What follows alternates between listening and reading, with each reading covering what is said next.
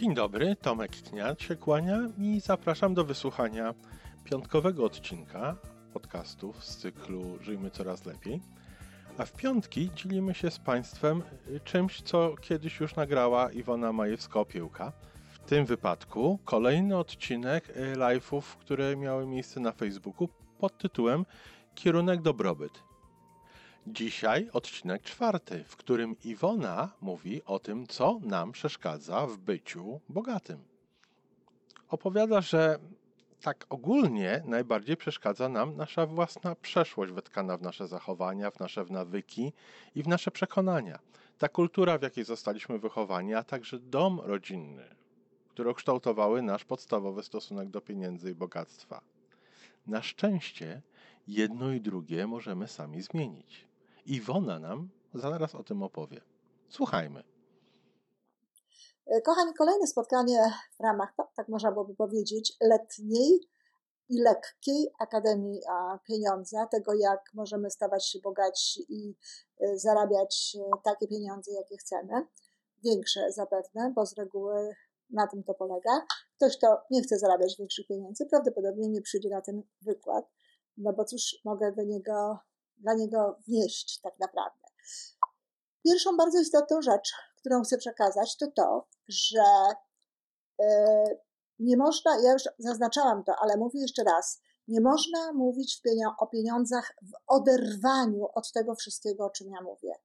Zachwyty nad książkami typu e, Bogaty ojciec, biedny ojciec, no są trochę tak, szczerze powiedziawszy, bez sensu. Dlatego, że żeby móc korzystać z rad, których udzielał bogaty ojciec tak naprawdę, trzeba mieć albo odpowiedni charakter już, e, no, pewną pulę pieniędzy do gospodarowania, no, albo takiego mentora, który będzie nas cały czas prowadził i będzie cały czas robił to, co my chcemy. W ogóle zresztą zajmowanie się inwestowaniem, zajmowanie się e, tym, w jaki sposób zarządzać pieniędzmi, e, bez początku tego wszystkiego, dlaczego ta sytuacja jest taka, jaka jest, no, to jest trochę, powiedziałabym, rzecz niewystarczająca.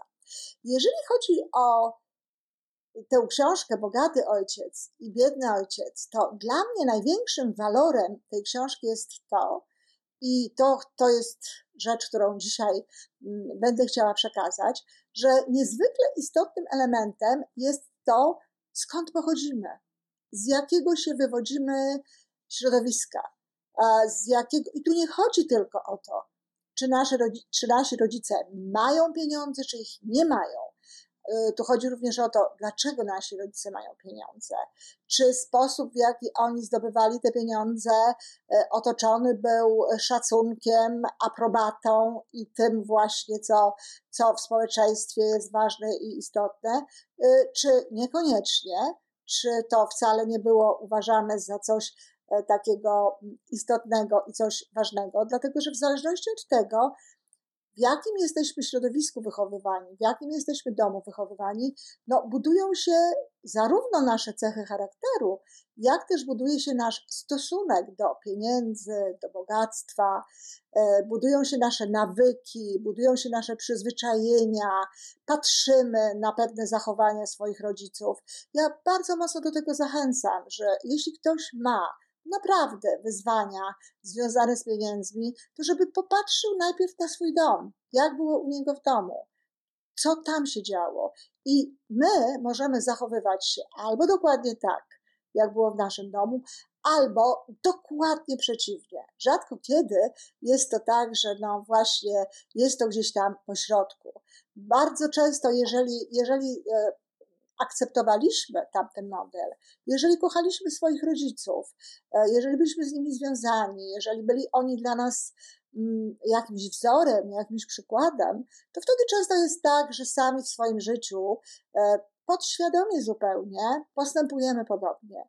Natomiast jeśli nasi rodzice nie byli naszymi heroes, jeśli nie byli naszymi bohaterami, no umówmy się, tak się dzieje, to tylko bardzo małe dzieci traktują swoich rodziców jak bohaterów. Kiedy się już dorasta, kiedy się staje nastolatkiem, kiedy się jest większą osobą. No patrzcie na swoich rodziców w kategoriach bardzo często krytycznych i wiele dzieci opuszcza swoje domy z przekonaniem, że nie chcą być tacy jak ich rodzice.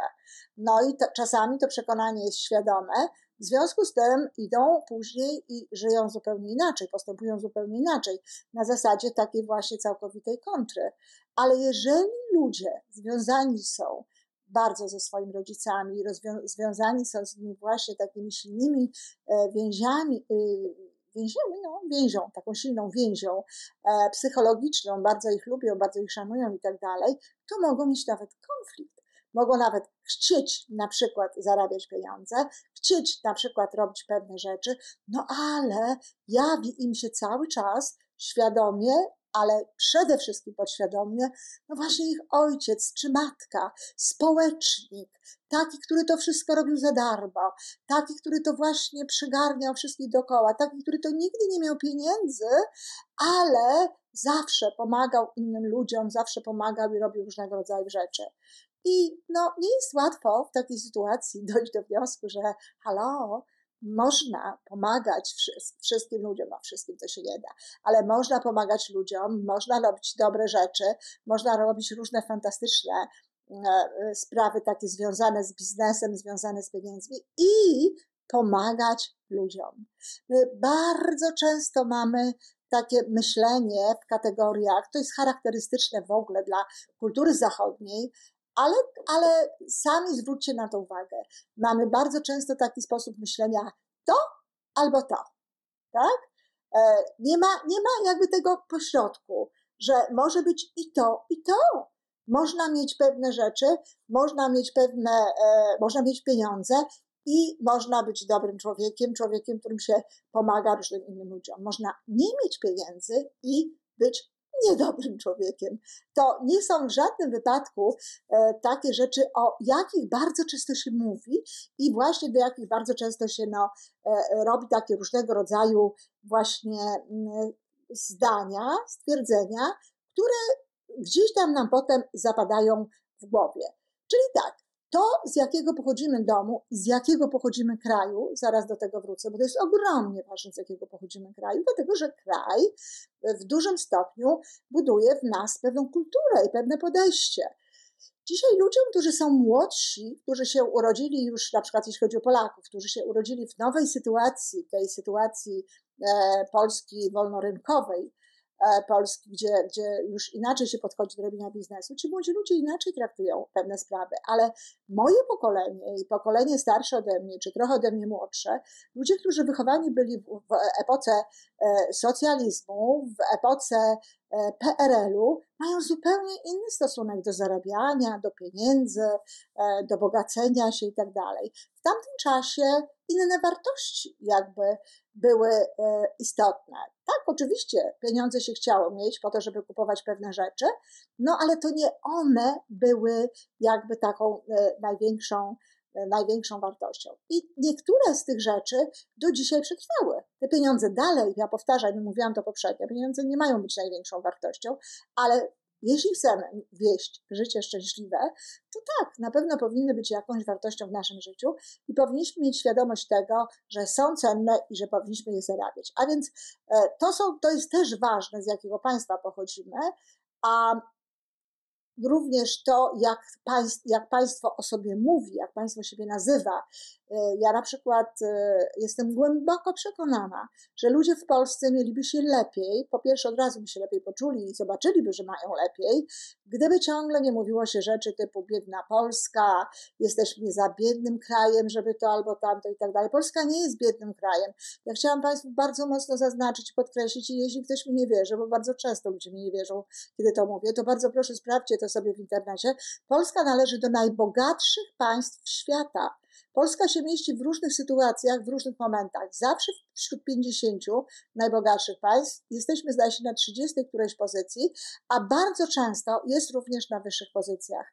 Należymy do tego obszaru państw, i to są te państwa, które są zaznaczone jednym kolorem, do tych samych państw jak Francja, jak Belgia, jak Wielka Brytania i tak dalej najbogatsze państwa na świecie, więc Polska nie jest biednym krajem. Polska ma biedne przekonania. Ludzie w Polsce mają biedne przekonania o sobie. Są przekonani, że na wiele rzeczy ich nie stać. Czasami nawet przekonani są, że nie stać ich jest na te rzeczy, które na przykład proponuje rząd. E, które e, wymyśla rząd, tak? I, I, w związku z tym właśnie, jeżeli myśli się w taki sposób o Polsce, o Polsce jako takim kopciuszku, no to jeżeli Polska jest kopciuszkiem, no to my żyjąc w Polsce też jesteśmy tymi kopciuszkami. Też jakby nie czujemy tego, co mamy. Ja bardzo zawsze namawiałam Polaków i dalej namawiam, żeby pojeździli na świecie, po świecie, ale tak naprawdę, żeby pojeździli, żeby naprawdę popatrzyli, jak żyją w innych państwach, jak żyją inni ludzie i jak się żyje w Polsce. Ja to zawsze mówię i powtarzam to raz jeszcze. Chociaż moje dzieci są tutaj bardzo zadowolone z tego, gdzie, co, gdzie jak żyją, są szczęśliwe i uważają, że mają wszystko, co jest im potrzebne do szczęścia, to moje dzieci są zdecydowanie jakby biedniejsze, można powiedzieć. Znaczy nie są biedniejsze, bo tak się nie czują, ale mają zdecydowanie mniej niż mają wszystkie dzieci moich wszystkich koleżanek i wszystkich znajomych w tym wieku.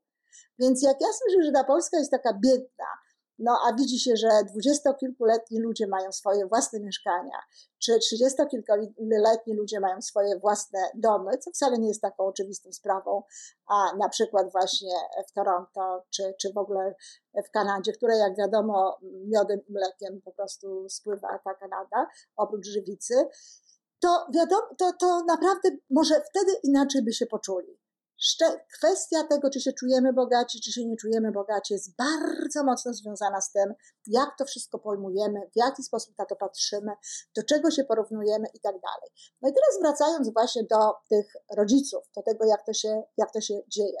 Po pierwsze, jeżeli na przykład ludzie mogą być przyzwyczajeni do oszczędzania, całe życie słyszeli do że no, trzeba ścisnąć pasa, że trzeba oszczędzać, że trzeba oszczędzać na czarną godzinę, że w, związku z tym no, nie możemy sobie pozwolić na to, bo na tamto, albo na tamto, tylko trzeba oszczędzać. I teraz tak, oczywiście, że tak. Absolutnie trzeba oszczędzać, ale oszczędzać w taki sposób, żeby mieć po prostu w dzisiejszych czasach to najlepiej konto e, takie oszczędnościowe, którymi to pieniędzmi potem się dysponuje w kwestii właśnie inwestycji i tego typu rzeczy, ale najpierw to powinno być, że tak powiem, e, e, konto oszczędnościowe, na które odkłada się stałą kwotę i pewnie jeszcze w jakimś naszym spotkaniu to padnie, ale chcę tutaj powiedzieć, najlepiej to jest, jeśli to jest przynajmniej 10%, słynna dziesięcina,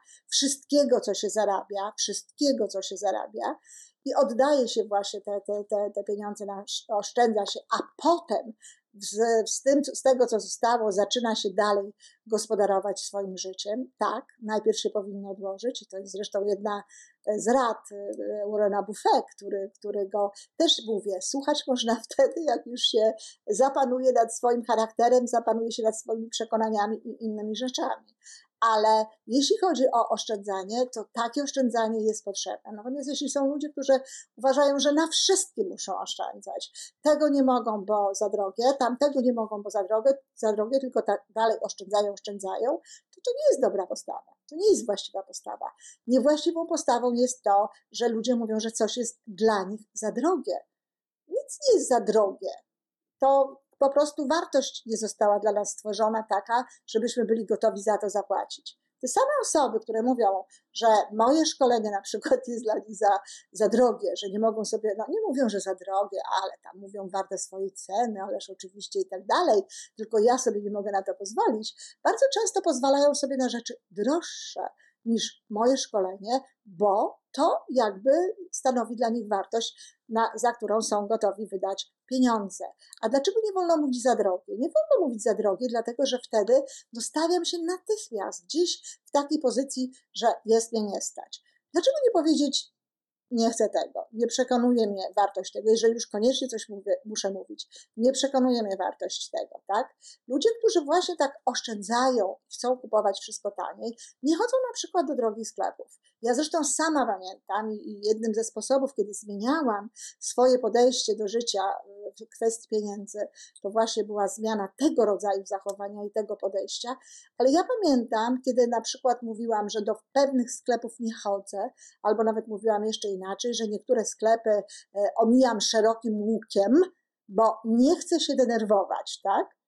Po co się mam niepotrzebnie denerwować, mówię, po co się mam niepotrzebnie frustrować? Pamiętacie? A mówiliśmy na poprzednich spotkaniach, że wcale nie musimy się frustrować i wcale nie musimy się denerwować w obliczu rzeczy pięknych, w obliczu rzeczy, na które nas stać. Jeżeli mamy te rzeczy, które są dla nas ważne, które są dla nas istotne i faktycznie te rzeczy, na te rzeczy czy zbieramy, jeżeli jest taka potrzeba, czy w inny sposób zdobywamy, współpracując ze światem i pracując, zarabiając pieniądze. E, jeśli mamy te rzeczy, to nie wszystkie rzeczy natychmiast musimy mieć. Ja pamiętam, że e, w ramach tam, no, czytałam jakąś książkę oczywiście na temat tego, w jaki sposób można zmieniać te przekonania na temat, e, na temat swoich pieniędzy i wybrałam się wtedy do Yorkville, takiej dzielnicy tutaj torontańskiej. Ona już mi się dzisiaj zupełnie inaczej jawi, ale wtedy to ona mi się jawiła jako w ogóle wow, coś nadzwyczajnego, to, to w ogóle nie, nie dla mnie i te buciki, które tam są i te, te wszystkie sklepy, to wydawało mi się jako coś niezwykłego. E, poszłam na lunch do eleganckiej restauracji, zapłaciłam za ten lunch tyle, że naprawdę przez tydzień mogłabym mieć e, lunch w domu dla całej rodziny. Co z tego? Ktoś powie, no jak to? No i co z tego? to jest warte, warte jest ja, jeśli będę szczęśliwa, ja, jeśli będę miała poczucie obfitości, jeżeli będę do tego podchodziła w odpowiedni sposób, to moja rodzina będzie szczęśliwsza, moje dzieci będą szczęśliwe. Więc potraktujcie to jako inwestycję. Mój lunch wtedy tam, w tej dzielnicy Yorkville i apaszka, którą sobie kupiłam, bo to było coś, co mogłam sobie kupić. E, weszłam do sklepu nie na zasadzie takiej, och, znowu się pofrustruję i popatrzę, na co mi nie stać i czego nie mogę kupić, tylko weszłam do sklepu z takim nastawieniem, coś tu sobie kupię. I wiecie, czy ja bym kupiła sobie wtedy te inne rzeczy? Nawet nie wiem, dlatego że ja w ogóle nie myślałam w takich kategoriach jeszcze. Te ceny, które tam były, były dla mnie abstrakcją. Ja już nie myślałam, że one są za drogie. Ja raczej myślałam w kategoriach, że jest to dla mnie abstrakcja. Ale wykonałam krok, wykonałam krok w kierunku innego życia. Popatrzyłam na te kobiety w, ubrane bardzo ładnie, które przyszły na lunch z okolicznych y, biur, z okolicznych firm. Ja byłam wtedy jeszcze bo to właśnie był jeden z tych momentów, kiedy już się rozstawałam z tą pracą, superintendentem, czyli dozorcą, tak można powiedzieć, no nie, gospodarzem bloku. Gospodarzem bloku, bardzo wysokiego bloku, bardzo dużego bloku, ale nie mniej e, gospodarzem bloku e, w, w Toronto. To było dość krótko po tym, jak przyjechałam do Kanady. I ja poszłam właśnie tam i poczułam się przez chwilę tak samo, jak te inne kobiety. Czułam to uczucie. Tak, i chciałam zatrzymać to uczucie w sobie. To jest bardzo ważne. Czuj to, zatrzymuj to, tak, żebyś wchodził gdzieś, czy wchodziła gdzieś z taką, z taką właśnie siłą, z taką pozycją, że tak, ty jesteś taka sama. Tak, stać siebie na to. Tak, możesz tutaj kupić, bo możesz. To jest tylko kwestia tego, w jaki sposób pojmujesz pewne rzeczy i w jaki sposób do tego podchodzisz. Bo powtarzam raz jeszcze, wszystkiego mieć nie możemy ale wszystko to, co jest nam potrzebne do szczęścia, możemy. Jeżeli się zachowacie w stosunku do, do pieniędzy, do tego, co macie, tak jak mówiłam w poprzednich wykładach, to wcale tych rzeczy, które chcielibyśmy kupować, które chcielibyśmy nabywać, nie ma tak wiele. Mi się zdarza, że wybieram się gdzieś do, do, do sklepu i, i wtedy, e, przepraszam, akurat moja córka zadzwoniła, miała zadzwonić, ale no, nie powiedziała mi, że o tej porze nie dzwoniła. Akurat wychodzę sobie gdzieś, żeby sobie, żeby sobie pochodzić po sklepach i bardzo często wracam, nie kupując niczego. Nie dlatego, że mnie nie stać, bo z reguły jest nie stać na te wszystkie rzeczy, tylko dlatego, że nic mi się tak bardzo nie podoba, że niczego nie chcę mieć, że nic mi, jak to ja mówię, nie rzuciło na kolana, tylko jakby było no, po prostu ładne na przykład ale jeśli mamy taki właśnie stosunek do rzeczywistości, zupełnie inaczej wtedy ten wszechświat i to wszystko dookoła nas traktuje e, no, dostawę pieniędzy jakby dla nas, ale też nasze poczucie się bogatym. Bo niestety to nie jest tak, naprawdę, to nie jest tak, że najpierw będziemy mieli pieniądze, najpierw będziemy mieli te wszystkie dobra, które są potrzebne, a potem się poczujemy bogaci. A, a, a. Najpierw się musimy poczuć bogaci, a potem dopiero przyjdą do nas te wszystkie pieniądze i to, co byśmy tak naprawdę chcieli. Najpierw musimy się poczuć bogaci. Jest mnóstwo ludzi, którzy obiektywnie rzecz ujmując, mają przyzwoite pieniądze i nie czują się bogaci. I szczerze, pół Polski czuje się o wiele, tak jak już mówiłam, o wiele mniej jakby e, bogatymi niż są w istocie, niż są naprawdę. Bardzo często e, nie tylko styl życia w rodzinie, że no właśnie oszczędzamy, a na to nie, nas nie stać, a na tamto nas nie stać, a decyduje o tym, że nasze nastawienie do tych pieniędzy jest e, niekoniecznie najlepsze, ale też to, że mówi się pewne rzeczy o pieniądzach i mówi się pewne rzeczy o ludziach, którzy te pieniądze zarabiają. A wiecie, znacie słynne powiedzenie, że pierwszy milion trzeba ukraść. Jakże długo to powtarzano. Ja pamiętam, że robione były takie badania, ja zresztą nawet e, pisałam o tych, o tych badaniach w jednej z moich książek, że chyba dopiero po pięciu latach od jakby zmiany e, systemu w Polsce, e, no nie wszyscy, nie, nie, nie, nie większość pytanych o to ludzi uważała, że tak, to jest prawda, że pierwszy milion trzeba ukraść. Co to, świat, co to znaczy pierwszy milion trzeba ukraść? To znaczy, uczciwie nie można zdobyć pieniędzy. Dokładnie znaczy tak, że wszyscy, którzy są bogaci, to musieli coś tam zakombinować. Oczywiście to jest troszeczkę z okresu socjalizmu jeszcze, to co u nas jest, a w ogóle to powiedział Rockefeller, to też ciekawa sprawa, że on miał taki stosunek właśnie, może coś o tym wiedział, ale że on miał właśnie taki stosunek do zarabiania pieniędzy. Tak, pewnie można zarabiać pieniądze i oczywiście ludzie w ten sposób pieniądze zarabiają, ale ja nie chciałam tak zarabiać, bo e, różnie to zarabianie się kończy, ale można zarabiać pieniądze absolutnie uczciwie. Co to jest milion tak naprawdę w Polsce? Ja, ja, ja sama, kiedy mieszkałam w Polsce, mogłam powiedzieć, że w jakimś sensie no, jestem, jestem, jestem milionerką. To, to, to nie są jakieś, jakieś dramatyczne pieniądze. Popatrzcie no, na te mieszkania, które ludzie mają i jaką one mają e, wartość, kiedy, kiedy są już spłacone. A nawet jeśli nie, to też bardzo często jest to duża wartość. Ale ja pracowałam z przedsiębiorcami, pracowałam z ludźmi biznesu i oni dochodzili do swoich pieniędzy jak najbardziej uczciwie. Dochodzili, oczywiście robiąc różne rzeczy, wierząc pewne rzeczy, zmieniając swoje przekonania, zmieniając swój sposób myślenia o pieniądzach, ale, ale dochodzili do tego w sposób uczciwy. Czyli jeśli ktoś wierzy w to, nawet na poziomie podświadomości, bo oczywiście, że nie musi to być uświadamiane, że pieniądze nie są pozyskiwane, że duże pieniądze nie mogą być pozyska, pozyskane w sposób uczciwy, że tylko ludzie nieuczciwi maj, mają pieniądze, to zgadnijcie, co się będzie działo. Ich podświadomość przecież nie pozwoli im na to, żeby oni byli nieuczciwi, tak? Podświadomość będzie nas chronić. Podświadomość nie chce, żebyśmy my byli czymś niedobrym. Jeżeli człowiek, który ma pieniądze, zapewne jest człowiekiem nieuczciwym, to nasza podświadomość robi wszystko, żebyśmy byli uczciwi. To znaczy, żebyśmy nie mieli pieniędzy.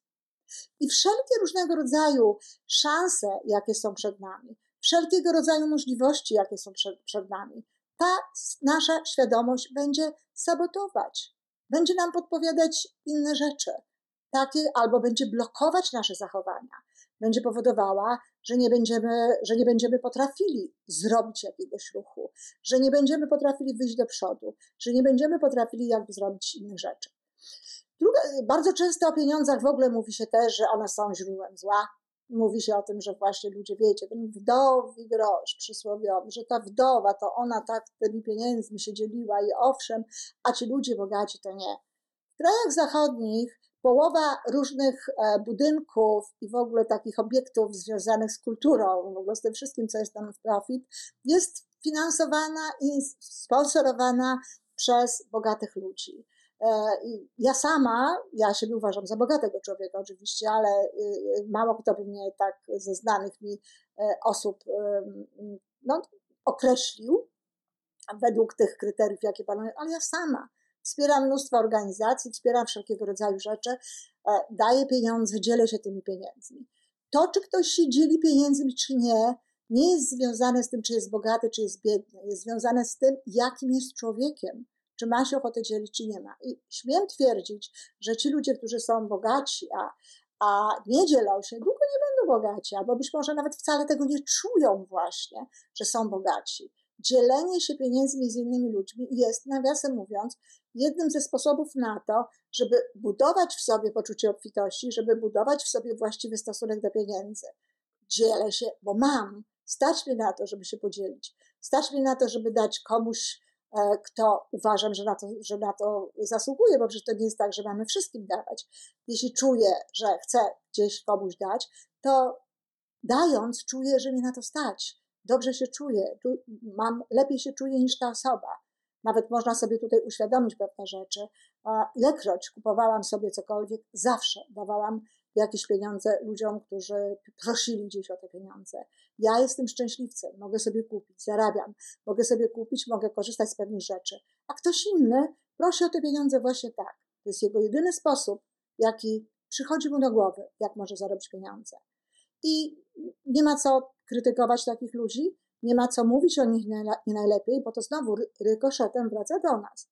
Jeśli on ma taki pomysł na zarabianie pieniędzy, w jakimś sensie społeczeństwo no, doprowadziło do tego, że ten człowiek e, lepiej sobie w nim nie potrafił poradzić. To nie twoja sprawa. Możesz nie dawać, ale to nie można myśleć o tych ludziach niedobrze, nie można e, krytykować tego, nie można tego nazywać w jakiś tam e, niefajny sposób, dlatego że to rykoszetem wraca do naszych przekonań. A propos pieniędzy również, bardzo często jest tak, że ludzie mają e, wyobrażenia na temat tego, jak się te pieniądze powinno zarabiać. E, niektórzy sądzą, że pieniądze zarabiać można tylko, no właśnie, e, będąc na pensji, świadcząc jakieś usługi osobie, która nam tę pensję płaci, czy firmie, czy osobie, czy innym. Natomiast kiedy człowiek sam zaczyna przejmować odpowiedzialność za, za swoje pieniądze, e, sam sprzedaje, sam mówi o pewnych rzeczach, sam ustanawia e, cele, e, sam ustanawia jakby mm, ile chce zarabiać i tak dalej, a mówi ludziom, ile to kosztuje, to bardzo często to jest coś, co się nie mieści w kategoriach jakichś ludzi. Zobaczcie, co się dzieje z MLM-em. Zobaczcie, co się dzieje na przykład w kategoriach no, sprzedaży kiedy jednym z takich, e, z takich pomysłów, dla których ludzie nie chcą na przykład pracować w MLM, nie chcą zajmować się budowaniem struktury, niekoniecznie muszą sprzedawać, ale nie chcą się budować zajmowaniem struktury i zachęcaniem ludzi do tego, żeby kupowali te produkty, w których oni są, no to jest taka, takie powiedzenie, no ale jak? To ja, ja, powiedzą mi, że ja na kimś zarabiam, że ja na kimś zarabiam. Każdy z nas na kimś zarabia. Jeżeli ja prowadzę szkolenia, to ja zarabiam na, na tych ludziach, tylko że nacisk trzeba kłaść na to, że ja zarabiam. Te pieniądze mnie się należą. Te pieniądze są dla mnie. Ja te pieniądze wypracowałam. Dokładnie to samo jest w, w sklepie. Jeżeli ktoś przychodzi, a ty jesteś ekspedientką w sklepie, to zarabiasz na tych ludziach, którzy kupują. Że płaci ci? Że płaci ci właściciel, a skąd właściciel ma pieniądze, a skąd firma ma pieniądze? No stąd, że to inni ludzie kupują. Czyli zarabiamy najnormalniej w świecie. Tak funkcjonuje ten e, ustrój. Wymieniamy się usługami, wymieniamy się tym, co potrafimy. Ale nam właśnie. Jeżeli to jest coś, co ja, ja stoję w jakimś miejscu, czy jestem zatrudniona w jakiejś firmie, to jest ok, że ja w ten sposób zarabiam pieniądze. Ale jeżeli ja sama mam swoją własną inicjatywę. I ja sama w taki sposób e, podchodzę do rzeczywistości. O, to już jest tak, że jedni ludzie naprawdę potrafią to krytykować, a inni ludzie obawiają się tej krytyki i w związku z tym też nie chcą robić pewnych rzeczy, odpycha to ich od robienia pewnych rzeczy i tak dalej. Jest jeszcze jeden bardzo istotny taki element, e, w którym wiele ludzi żyje i ja osobiście znam bardzo takie osoby. Wiecie, my w Polsce to jest coś, co nie dotyczy powiedzmy sobie Kanady i ludzi tutaj urodzonych w Kanadzie i tutaj funkcjonujących i tak dalej, gdzie ja na przykład ciągle to podkreślam, że wtedy, kiedy byłam superintendentem, czyli tym, tym gospodarzem bloku, to naprawdę dostałam więcej szacunku od ludzi, więcej takiego szacunku, podziwu i w ogóle takiego, takiej fajnej postawy niż wtedy, kiedy byłam Polsce, bo, bo tylko, tylko tym zdążyłam w Polsce być, e, nauczycielką i wykładowcą w ośrodku e, doskonalenia kadry kierowniczej. Z całą pewnością to właśnie tutaj w Kanadzie, w tym miejscu dostałam jakby więcej tego, tego, tych objawów szacunku. Ale w Polsce jest tak, że wiecie, zanim Polska stała się PRL-em, a, a, a teraz y, ma inną rzeczywistość, no to przekonania były takie, że inteligencja to jest pewna grupa ludzi, którzy no może nie mają e, wszystkiego, e, co, takiego, co mają inni, na przykład, o, to była niedobra grupa ludzi, badylarze, osoby, które to się nazywało badylarze, to ja, ja mieszkałam w Legionowie pod Jabłonną, gdzie właśnie tam były szklarnie, były, były takie pierwsi po prostu no, e, ludzie, którzy, którzy, jedni z pierwszych, którzy potrafili wykorzystywać sytuację właściwie i zarabiać pieniądze, więc badylarze, nie najlepiej się o nich mówiło, prywaciarze, nie najlepiej się o nich mówiło, prawda? Jakby to tak, w tym, w tym był taki, w tym był taki lek, lekki, no, można powiedzieć, lekka ocena. Ja, inteligencja, jakby jestem lepsza. Mimo, że nie mam tego, co ma ten prywaciarz, nie mam tego, co ma ten badylarz, ale ja jestem ta inteligencja. I wiecie co? Niektórym zostało. To się można naprawdę załamać, bo niektórzy ludzie, tak, można się załamać. Ja, kiedy rozmawiam z niektórymi osobami i właśnie widzę, jak one funkcjonują, no to dokładnie słyszę ten element. My, inteligencja. Okej. Inteligencja nie przeszkadza absolutnie temu, żeby można było zarabiać pieniądze, żeby można było zarabiać pieniądze e, w najrozmaitsze sposoby. Ja też uważam się za inteligencję. I to mi kompletnie nie przeszkadza w tym, żebym zarabiała te pieniądze nie tylko w ten sposób, gdzie korzystam z wiedzy, korzystam z nauki, korzystam z tej inteligencji e, właśnie, ale również na przykład, nie wiem, w MLM, gdzie dzielę się radością z korzystania z pewnych produktów. A dlaczego, a dlaczego inteligencja nie mogłaby na przykład robić również takich e, tego rodzaju rzeczy? Rzecz jest potem tym, co ta, co ta grupa ludzi robi z tymi pieniędzmi. Jeżeli ktoś jest naprawdę taka inteligencja, to będzie sobie kupował książki, będzie chodził na koncerty, będzie robił wszelkie takie rzeczy i uczestniczył w życiu kulturalnym właśnie, dzięki temu, że będzie mógł mieć te pieniądze, będzie mógł wspierać różne instytucje, które też są właśnie z gatunku takich a, inteligentnych i wszystko w porządku ale to jest coś, co nam siedzi. My takich rzeczy nie robimy. Bo wiecie, przed wojną to było tak, bo to, to było już po wojnie, a przed wojną no pieniądze robili e, kupcy, pieniądze robili Żydzi i tak dalej. Pewni ludzie, tak jak mówiłam w odcinku, w którym mówiłam o tym, że dżentelmeni nie rozmawiają o pieniądzach, pewni ludzie nie zajmowali się robieniem pieniędzy. To życie, ale też faktem jest, że żyli sobie w jakiś sposób dostatnio. No i właśnie, teraz to jest kolejna rzecz, do, do której dochodzimy jest w porządku, jeżeli mm, kupujemy rzeczy tanio, bo jest taka możliwość. Tutaj e, pani, e, chyba pani Agnieszka Brzeska również kiedyś po e, poprzednim razem powiedziała, że bardzo lubi kupować za niewielkie pieniądze dobre rzeczy. Oczywiście, każdy to lubi. Myślicie, że ja, ja osobiście uważam, że zdrowy człowiek właśnie to największą radość ma wtedy, kiedy kupuje rzeczy dobre, a nie płaci za nie jakichś tam kolosalnych sum. Tyle tylko, że gdybym ja miała tak robić i tracić na to bardzo dużo czasu, żeby porównywać i co tam jeszcze i tak dalej, to ja uważam, że mi się to nie płaca, bo uważam, że lepiej wykorzystać ten czas na jakby inne rzeczy niż takie poszukiwania. Ale jeżeli się gdzieś kupuje właśnie przy okazji, czy chodzi się tak jak na grzyby na przykład, na polowanie, na różnego rodzaju rzeczy, to jest to piękna sprawa. Ale o co chodzi? Chodzi o to, żeby właśnie mieć rzeczy porządne, żeby mieć takie rzeczy, jakie chcemy mieć, żeby nie obniżać swojego standardu, tylko właśnie tak jak już mówiłam wcześniej, jeżeli mam marzenie, jeżeli mam pragnienie, jeżeli chcę mieć coś, to do tego dążę. To nie jest wtedy już takie ważne, ile ja za to zapłacę. Jak zapłacę mniej, to lepiej. Ale chodzi o to, żeby nie rezygnować z tego, żeby nie mówić, e, nie zdać mi na to, czy, czy jeżeli naprawdę tego chcę, jeżeli naprawdę tego pragnę. Ja pamiętam, czytałam taką książkę, która nie pamiętam niestety jej tytułu i to jest w ogóle jakaś, jaka, to była jakaś stara książka, bo ja ją znalazłam na Garage Sale'u, która, y, biografia pewnej takiej pani, która miała Georgina, miała na imię Mobasz, się chyba nazywała, czy coś w tym rodzaju. To była kobieta, która bardzo bogato wyszła za mąż, e, bardzo piękna kobieta, ale ona opowiadała o swojej matce, ona wywodziła się z Chicago i opowiadała o swojej matce, która to matka była raczej biedną kobietą, e, rozstała się z ojcem, sama wychowywała dzieci, a i kupowali różnego rodzaju rzeczy na garaż sale'ach, czyli na tych takich, wiecie, wyprzedażach gdzieś tam domów, ale chodzili tam i kupowali perełki i kupowali bardzo dobre rzeczy. I mieli śliczną zastawę, mieli bardzo ładne świeczniki, mieli bardzo dobre dywany, mieli bardzo dobre meble, mimo że nie byli ludźmi, które nie wiem, Urząd Skarbowy, e, czy tam revenue, prawda, uznałoby za ludzi bogatych. Ale oni byli bogaci, bo mieli wszystko to, co trzeba. Kupowali to za niewielkie pieniądze. Matka dbała o to, żeby dzieci potrafiły się zachować tak, jak trzeba. Dzieci chodziły do właściwych szkół, dbało się o to, żeby czytały i tak dalej.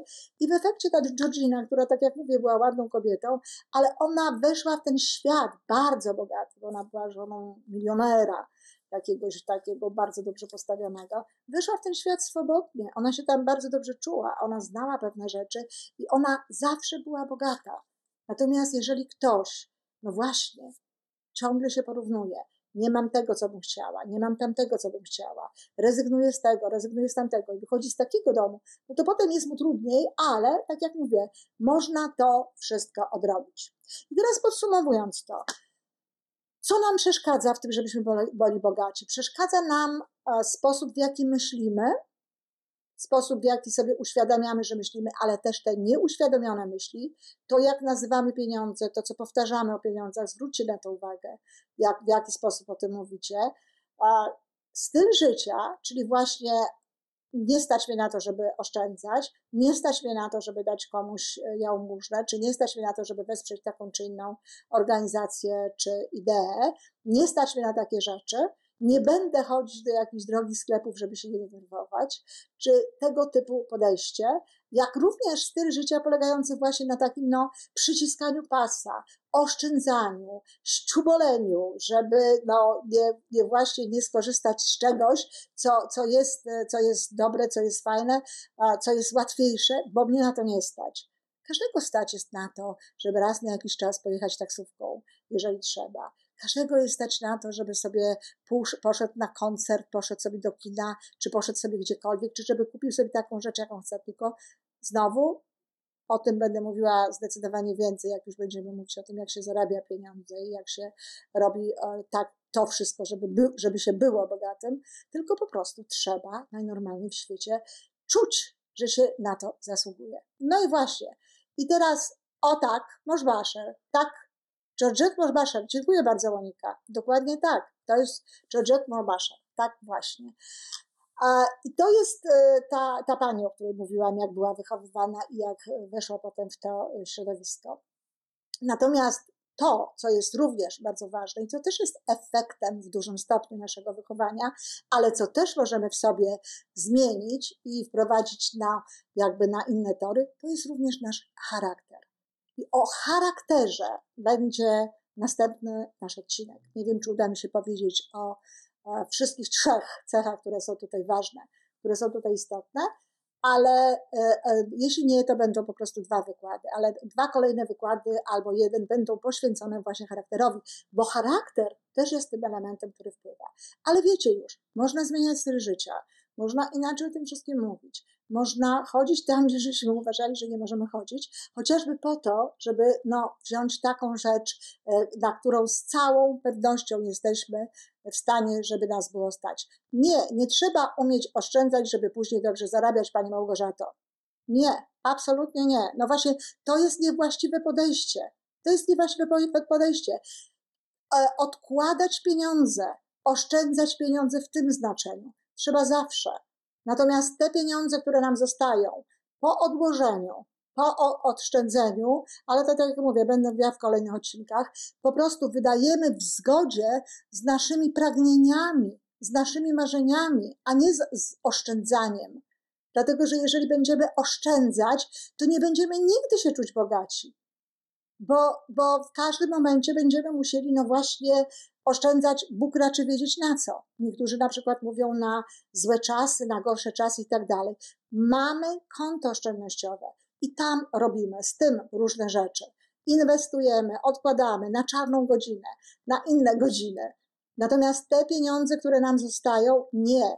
Nie żyjemy w taki sposób, że trzeba oszczędzać. Ja bym w ogóle proponowała, żeby to słowo w ogóle wyjąć ze słownika, kochani wyjąć ze słownika słowa, słowo oszczędzać, mówić o oszczędzaniu wyłącznie w kategorii odkładania pieniędzy na konto, z którym potem robi się różne rzeczy.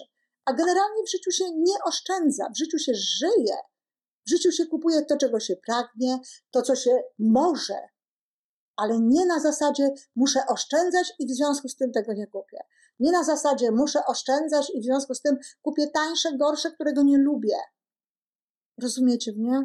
To jest bardzo ważne, bo to jest właśnie to, co zmienia. Tutaj ta moja rozmowa teraz z panią Małgosią, to jest właśnie to, co pokazuje, jak my słyszymy nawet, co ktoś mówi, a rozumiemy to no, tak, jak żeśmy do tego przywykli. Ja to doskonale rozumiem, dlatego że ja też w tym robiłam, e, miałam takie same jakby zachowania gdzieś tam pewnym momencie, ale wiem, że to nie jest ta droga.